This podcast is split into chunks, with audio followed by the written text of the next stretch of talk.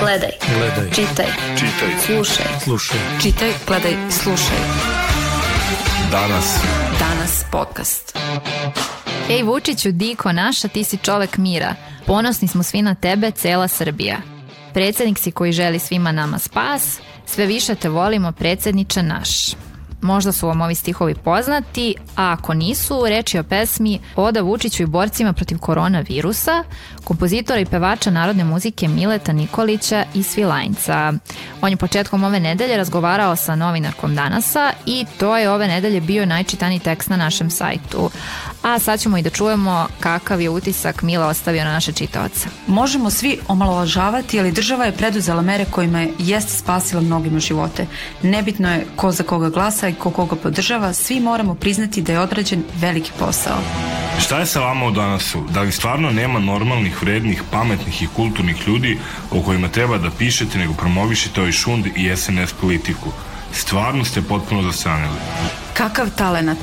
Zašto dajete medijski prostor ljudima koji stvaraju šire šund? Ova umotvorina je u rangu reality programa koje treba zabraniti na nacionalnim frekvencijama. Problem je što je pesma posvećena Vučiću, da je kojim slučajem Đilasu to bi bilo sasvim okej okay na mestu. Joj, meni više muka od ovih iz danasa. Danas. Podcast. Ovo je za 30 godina karijere prvi put da je Nikolić posvetio pesmu nekom predsedniku, nije član SNS-a niti je za ovu stranku glasao, ali Vučiću, kako kaže, bezrezervno veruje. Čemu služe ovakve pesme, kakvi su motivi umetnika da opevaju političare, o tome između ostalog razgovaramo u današnjoj šestoj epizodi podcasta. Ja sam Vojislav Stojsavljević. Ja sam Selena Kosorić, a ovo je prvi podcast koji radimo iz redakcije. Gosti su novinari Danasa Miloš Miljković i Una Miletić. Slušaj. Danas podcast. Miljko, pre pet minuta si prvi put čuo pesmu i ovako na prvi utisak, da li ti autor deluje iskreno? Da, Čika Mile mi deluje apsolutno iskreno i mislim da on tu pesmu nije snimio iz nekih skrivenih motiva da bi dobio zbog toga nekakvu materijalnu nadoknadu ili šta god, nego zbog toga što, kako i kaže u izjavi našoj koleginici, možda i postoji neko bolje od Vučića, on jednostavno za njega ne zna. Zbog toga je on i snimio ovakvu odu predsjedniku iz prostog razloga što ga, kao i veliku većinu građana Srbije sa nacionalnih frekvencija već 8-9 godina bombarduju pričom o tome da je Vučić malte ne polubog. Una, evo imali smo nedavno i pesmu izvesnog repera Bucketa. Na koji način misliš da su ovakve pesme delotvorne? Mogu li one da utiču na svest građana i da promene njihovo mišljenje? Mislim da ne mogu da utiču nešto značajno na sve građana sem u nekom smislu ironije i parodije zbog toga što svi oni koji su već planirali da glasaju za Vučića, oni možda nađu te pesme kao hitove pa ih vato vrte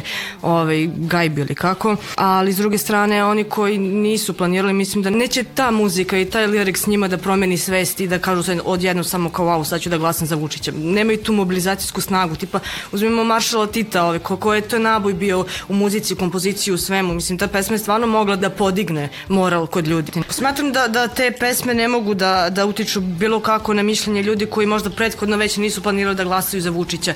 Jedino oni mogu te pesme da nađu simpatičnim jer prosto im onako dirka srce na, na romantičan način. Svi ostali će u njima da vide prosto absurd vremena u kome živimo. Mogu samo da ih na, na nekom ironičnom smislu slušaju da bi pravili parodije na istu pesmu. A, ja bih podsjetio, možda je veći, kako ja kažem, potencijal imala pesma Marija Maksime. Zašto? Pa iz prostog razloga, prvo zbog ritma, drugo zbog te atipične izvedbe i srčanosti sa strašću sa kojom Marija pevao On je Vučić. Pa je ostvarila taj potencijal? Pa baš i nije. E sad, za razliku od Mileta, za koga stvarno mislim da ne očekuje ništa, da je pesmu snimio, eto, zato što je želeo, zato što po ceo dan gleda jedno isto lice na, na, na TV-u, U slučaju Marije mislim da je ona pak imala možda ovaj neku ideju da će joj se ta pesma, to idolopoklonstvo Vučiću možda na neki način isplatiti ta pesma koju je kolega malo pre pomenuo, mislim da nekako se beše zove, izvođačica, ali... Da, ba, znam, znam pesmu, ali je ovaj, tipa neki soft porn u političkom smislu. Čini mi se da imamo konsenzus ko je iskreno iz ljubavi prema predsjedniku radio pesmu Marije ili Mile, Mile. Mileta su komentarisali i Marko Đorđević, profesor komunikologije i Basara ga je takođe pominjao u svojoj kolumni. Đorđević je rekao da ga to posjeća na pesmu koju je čuo 90. godina u jeku građanskog rata Pa sad mene zanima vaše mišljenje koliko je opasno za jedno društvo da ima toliko strastvene simpatizere političkih ličnosti. Kada su ostrašćeni pojedinci u svojim kućama, tako da kažem, onda to i nije opasno. Međutim, kada se nađu na ulici, kada imaju nekog povoda ili kada ih pozovu da dođu da pruže neku podršku, kao što je bilo nedavno ispred Skupštine, kada je Aleksandar Martinović strajkovao glađu, pa su došli da ga podrže, manji broj pristavica Boško Obradović je to takođe učinio. Na kraju smo čak imali i incident kada je muškarac, simpatizer Srpske napredne stranke, šakom udario devojku sa suprotne strane. Dakle, kada dođe do nekih zapaljivih situacija, kada se izađe na ulicu, onda stvarno možemo imati problem i može se dogoditi ovaj ozbiljno nasilje e, zbog toga što A misliš li da je to ista energija? a ljudi se drugačije ponašaju kada su u masi. Veliki Ne, mislim broj konkretno, konkretno mislim na, na ovog pevača i na te pojedince koji su došli ispred Skupštine. Misliš li da, da imaju istu energiju da... ne, ne mislim. Smatram da su kod Vučića mnogo ostrašćaniji navijači nego ovaj muzičari koji mu pevaju ode, tako da ne znam, plašimo se huligani. Danas. Podcast. Da se malo vratimo na ozbiljnije političke teme, podpredsednica stranke Slobode i pravde Marinika Tepić prijavila Interpolu nestanak republičke javne tužiteljke Zagorke Dolovac. Bravo Marinika, na farsu ste odgovorili farsom i to je jedan od načina da se iskaže bunt. Ovakve budalaštine koju nam vlast ne servira zaista nisu mogli smisliti ni Nušić ni UNESCO. Sa psihopatom na čelu klinike bolest polako obuzima sve nas.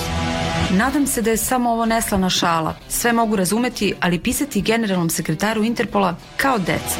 Ako je ovo tačno, mislim da se ljudi u ovoj instituciji smeju i ne veruju šta rade budala iz Srbije.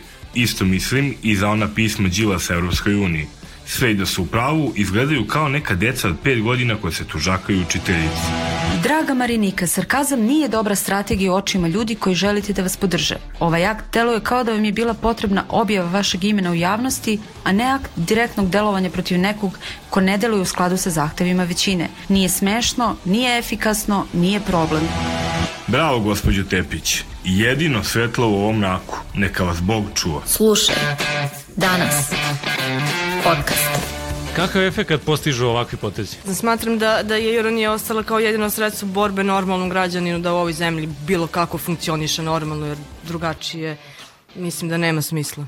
A da li misliš sad, ok, to je dobro za nas, građane, možemo da izražavamo ironiju, Ali ali neko je ko je ušao Nije u ozbiljnu političku borbu, kakve efekte će ta ironija da postigne? Pa, ali kako je ozbiljno političkoj borbi mi govorimo ako u ovoj zemlji nemamo ni ozbiljne političke uslove za tu borbu? Mislim da apsolutno ono jedinim načinom na koje može da skrene pažnju jeste bukvalnom tom ironijom da se eto malo oplače sobstvena sudbina. Pa ne znam, evo, meni je to, na primjer, kao bio zanimljiv potez, ali ništa kao politički, ne znam, u nekom smislu ništa nisu postigli s tim, tako da ne znam, eto, evo, Miljko, možeš ti, na primjer, da kažeš, ajde. Kada ste u poziciji, malo toga možete stvarno da postignete. Dobro je da ukazujete na stvari. Najgore je da, da, da ćutite, a do pre godinu i po dve dana imali smo opoziciju koja ništa nije preduzimala i koja je samo ćutala.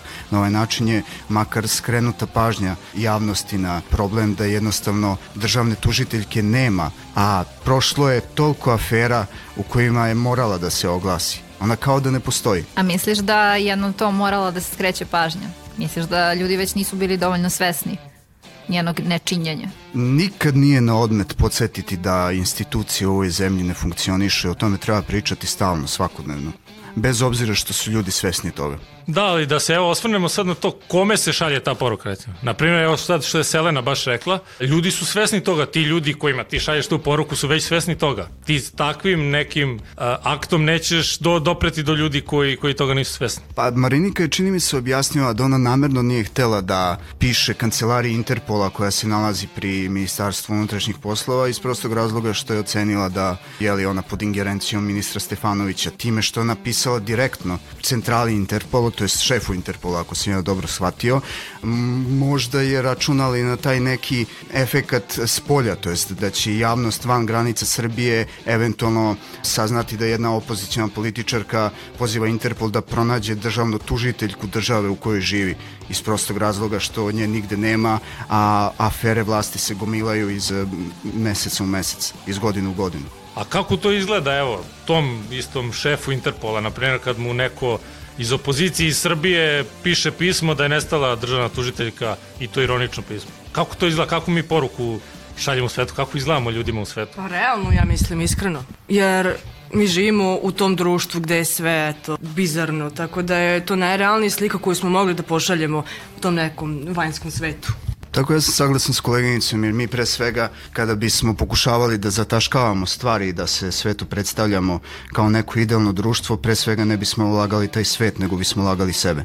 To je ono kao kad, ne znam, očistite svoju sobu samo kada znate da će vam doći gosti zbog toga što, što želite da vas oni percipiraju kao urednog čoveka. Danas. Podcast. Hvala Miljku i Juni. Toliko smo za ovo kratko vreme uspeli da se osvrnemo na najčitanije tekstove iz prethodne nedelje. Sledeće nedelje slušate kolege Ljilju i Vladu, a mi se slušamo ponovo za dve nedelje. Ćao! Gledaj. Gledaj, Čitaj. Čitaj. Slušaj. slušaj. Čitaj, gledaj, slušaj. Danas. Danas podcast.